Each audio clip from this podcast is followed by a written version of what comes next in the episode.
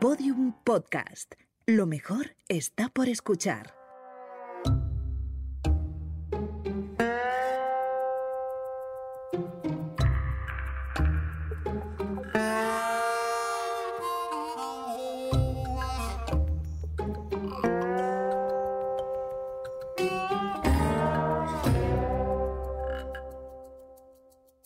Benvinguts a S'ha escrit un podcast, programa de crims, el que vindria a ser un true crimes de tota la vida, però ara molt més true. Per un tema no li han pogut posar crims, sembla que ja existeix un programa amb aquest nom, i també estaven agafats altres noms que ens agradaven, com Nadie sabe nada o La tarda de Catalunya Ràdio, però, bueno, escolta, s'ha escrit un podcast, no, no està malament.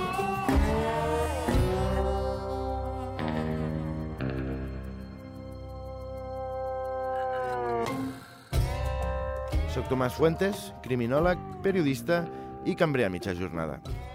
Com a bon badaloní, el crim m'apassiona. I espero que a vosaltres també.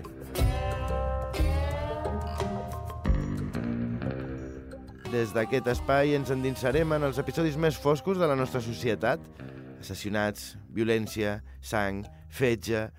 Podria ser el nom d'un grup de música punk, però no, és la nostra passió. A veure, no és que ens agradi que mori gent, eh? Però és que hi ha morts tan xules. No, no us desitgem que us passi redolent, eh? Però si heu de morir, doncs ho feu amb estil, no? I, i ens doneu material per seguir amb aquest podcast. Des de l'objectivitat i sense caure en el morbo, o no gaire, us oferirem una selecció dels casos més macabres dels darrers anys, amb recreacions a càrrec dels millors actors d'impro del panorama.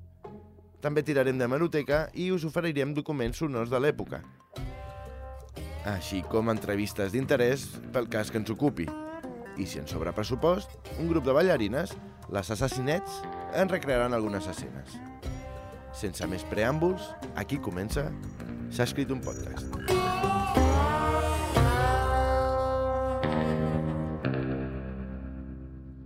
El Terrat presenta Get her on your back porch. Middle of the night. On your back porch. Something here ain't right. S'ha escrit un podcast. Yeah, yeah. Get her on your back porch. Episodi 1. El segrest de Pipo Rossi. Yeah,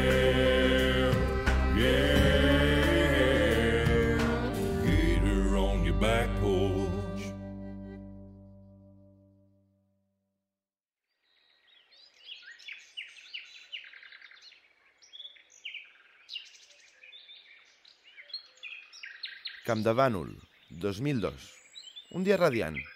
Els ocells canten, el sol comença a sortir, els esquirols saluden a la gent, però mentrestant, a Cornellà de Llobregat... Un dia normal, tot semblava en ordre. Fins i tot hi havia un punt d'eufòria perquè el Real Club Deportiu Espanyol havia aconseguit un flamant empat el dia anterior.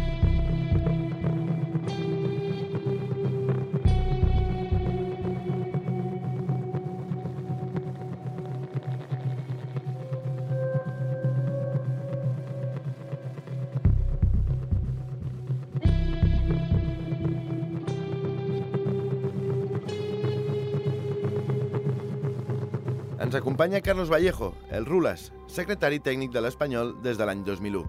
Benvingut, Rules. Hola, gràcies per convidar-me, Tomà. Uh, de res, què, què, què recordes uh, d'aquell dia, aparentment normal? Doncs ho recordo perfectament. Era un dimecres... Eh, Que... Era un dijous. Eh, Dijous, correcte, correcte. I plovia bastant. No, mm, feia sol. Sí, un sol espectacular, és veritat, és veritat. Bueno, l'Espanyol havia empatat el dia anterior contra el Bayern de Múnich en un partit de no, Champions. És que era, un amistós, eh, contra l'Europa. Ah, No, exacte, exacte. Va, va, és igual, els detalls són, no són Bé, importants. El cas és que tot l'equip estava al vestuari esperant que arribés el nou fitxatge del club, l'argentí Pipo Rossi. mhm. Ell va ser l'autor dels dos gols del partit anterior, una a cada porteria. Fixa't que si no s'hagués equivocat i no hagués fet un autogol, podíem haver guanyat fins i tot. T'imagina, guanyar, eh? algun dia, Rules, algun dia guanyareu. Bueno, total, que que li havien preparat una festa sorpresa, però anaven passant les hores i el Pipo este no arribava. Que a, això eh, ja era estrany, no? Perquè venint del Pipo Rossi, recordem què va dir el dia de la seva presentació. Este, estoy muy contento de jugar en este club. Desde pequeño mi pasión ha sido empatar partidos y qué mejor equipo que el español, ¿viste? Os prometo que me voy a dejar la piel para empatar y además vendré puntual siempre, siempre, siempre a los entrenos. Este, si no llego puntual es que algo malo me ha pasado, como que me han secuestrado o algo así. Pero va, vamos, que esto no va a pasar.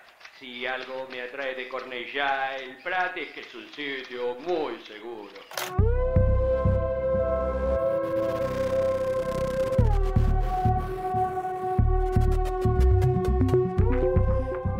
Tot i així, en Pipo Rossi mai va arribar a l'entrenament aquell dia.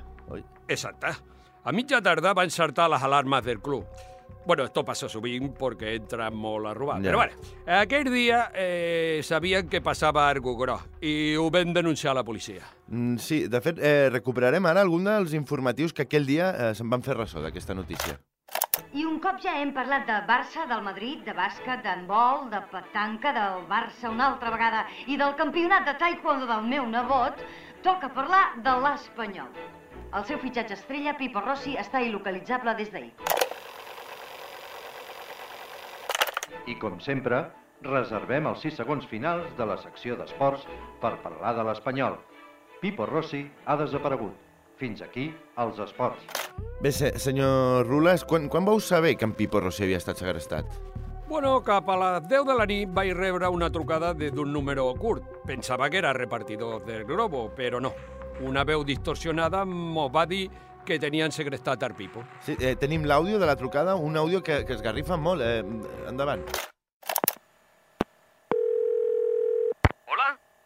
Porto hora i mitja aquí esperant el Mac Menú Aitana, que m'estic morint de fam. Tenim el Pipo Rossi. Si el voleu tornar a veure, heu de pagar mig milió d'euros.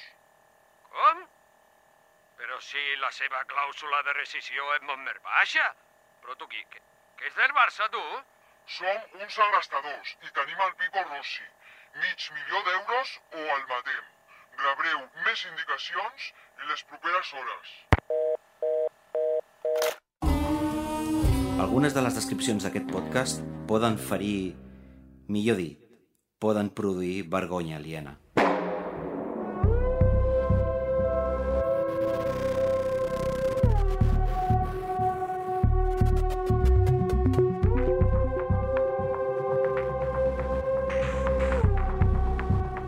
Pipo Rossi, estrella de l'Espanyol, segrestat per uns desconeguts que demanen mig milió d'euros. Eh, com reacciona el club eh, davant d'aquesta trucada, Rules? Bueno, al principi me vaig pensar que era una broma. Fins i tot vam haver de buscar a internet si existeix el concepte mig milió d'euros. Ja. Per un club com el nostre, aquesta xifra és que són impensables. Ja, i, I tot i així eh, es va posar en coneixement de la policia. Escoltem el testimoni de Juan José Carmona, oficial dels Mossos, que va investigar el cas.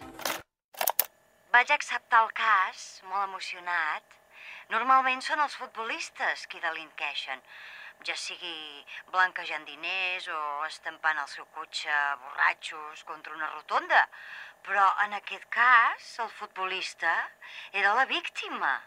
Vaig aconsellar als rules que esperessin a la propera trucada abans de decidir què fer. Mm, és curiosa, no?, la, la veu de, del Juan José Carmona.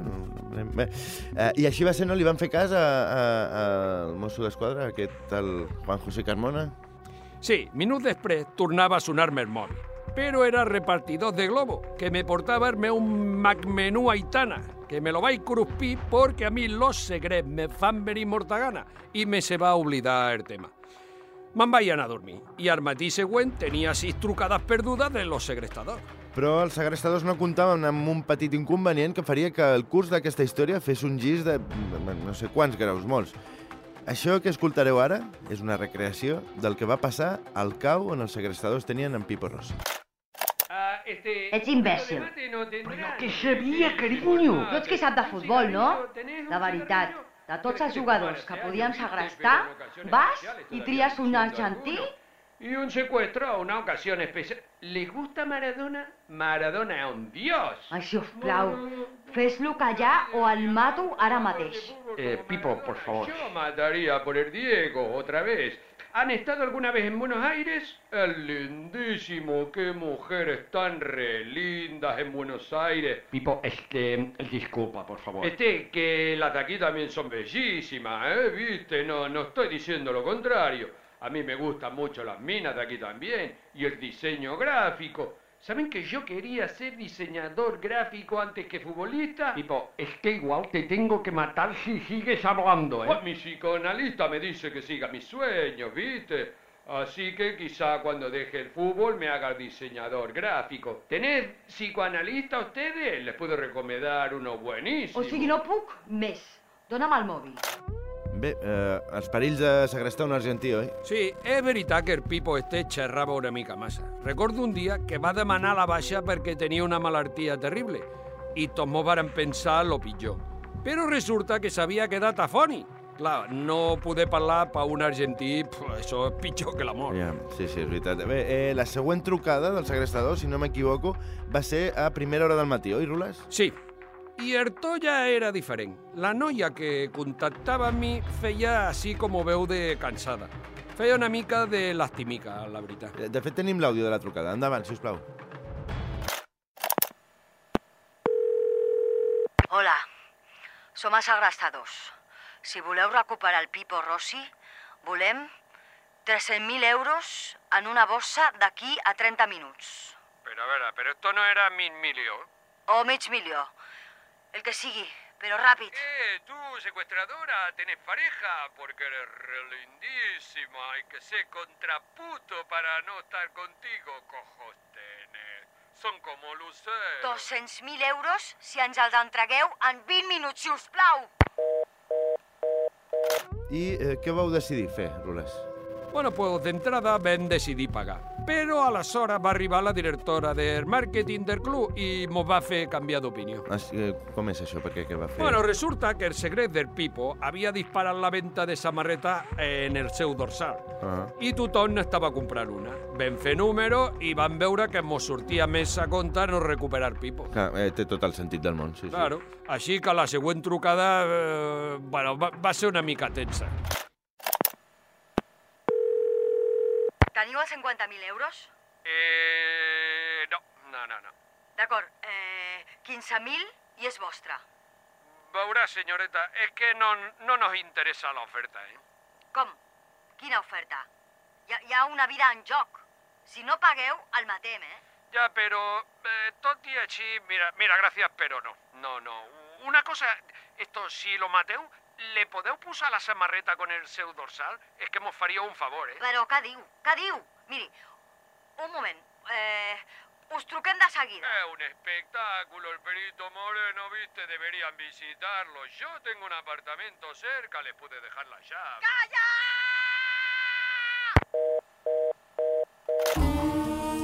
S'ha escrit un podcast, un podcast del Terrat amb Tomàs Fuentes.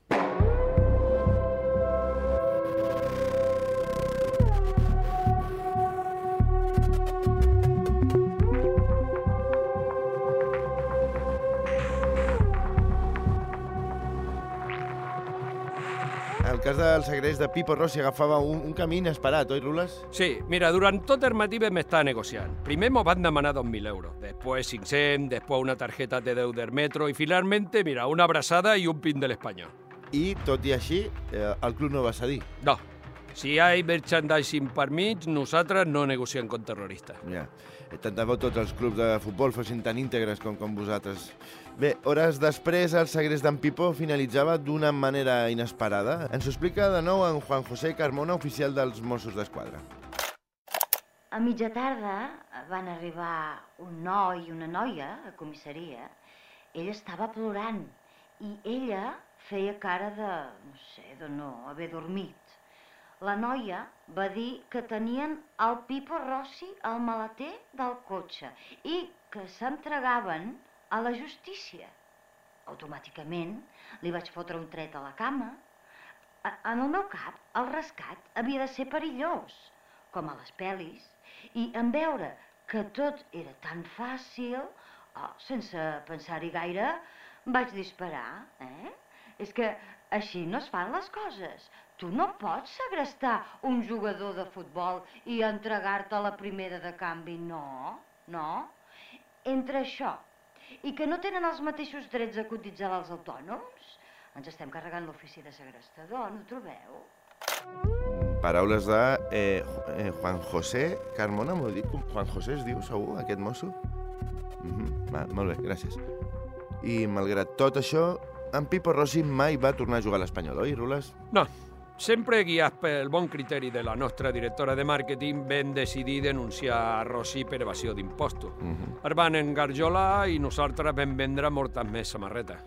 El destí, però, encara tenia una petita sorpresa pel segrestador. La casualitat va fer que Rossi compartís cel·la amb el seu captor. Exacte. El mateix dia vam rebre una trucada del segrestador plorant, pobrecillo.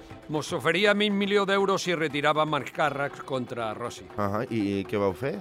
Bueno, consultar volum de ventas de samarreta. En veure que la cosa ja anava de baixada, vam acceptar l'oferta i mira tu, 500.000 euros que van guanyar sense fer res. Eh, fa poc més de sis mesos els segrestadors van sortir al carrer després de complir la seva condemna. He, heu tingut notícies d'ell? Doncs mira, sí. És una exclusiva que te dono en aquest programa. Ah, Els hem contractat al Departament de Màrqueting de l'Espanyol. com el departament de... Què vol dir això? Bueno, aquesta gent va aconseguir que per primera vegada a la història del club es venguessin samarretes. No podem desaprofitar este talent. I, i, i quina és la seva funció exactament dins del club? Pues mira, quan veiem que un jugador té potencial, li fem patir una desgràcia, perquè la gent, per pena, compri samarreta. Ah, interessant. Sí, sí. Sí, mira, ara estem preparant un esdeveniment molt transmèdia en què el Chuso Manchego, el porter de l'Espanyol, Mm, sí. patirà una agressió a casa seva per part d'uns lladres que entraran de nit. Ostres, això és, és fantàstic, em sembla collon... Ara, ara mateix em compro una samarreta d'en de, d'en Chuso Manchego. Eh, bé, moltes gràcies, mm, Carlos Vallejo Rulas, eh, moltes gràcies pel seu testimoni, per venir. Nada, hombre, un plaer.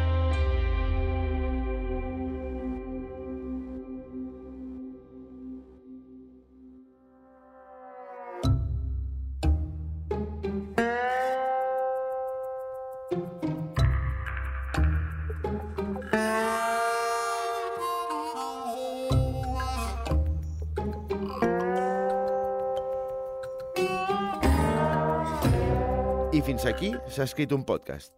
I recordeu, la mort us espera a qualsevol cantonada. Deixeu-vos matar amb estil. Només així poden sobreviure podcasts com aquest. A la resta, els que no morireu aquesta setmana, ens retrobem al proper episodi de S'ha escrit un podcast.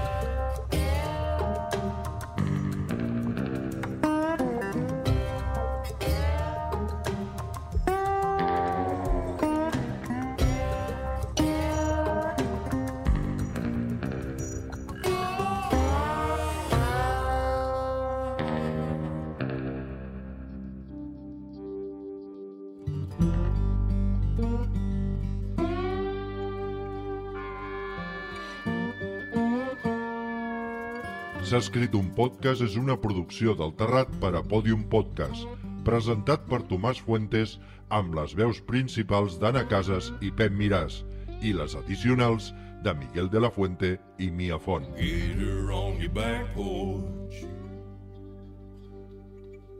Middle of the night. Guió i direcció, Tomàs Fuentes. Get her on your back porch. Producció executiva, Mia Font. Something here ain't right. Suport de guió, Miguel de la Fuente. Yeah, yeah. Get her on your back porch. Producció, Laia Rivero i Cristina Prunell. Yeah, yeah. Came up from the bayou, Edició i disseny sonor, Guillem Arnal. sneaking up on you. Enregistrat a Onda Estudios de Barcelona. Get her on your back porch. What you gonna do? Disseny d'imatge, Mia Font i Cristian Arenas. Yeah.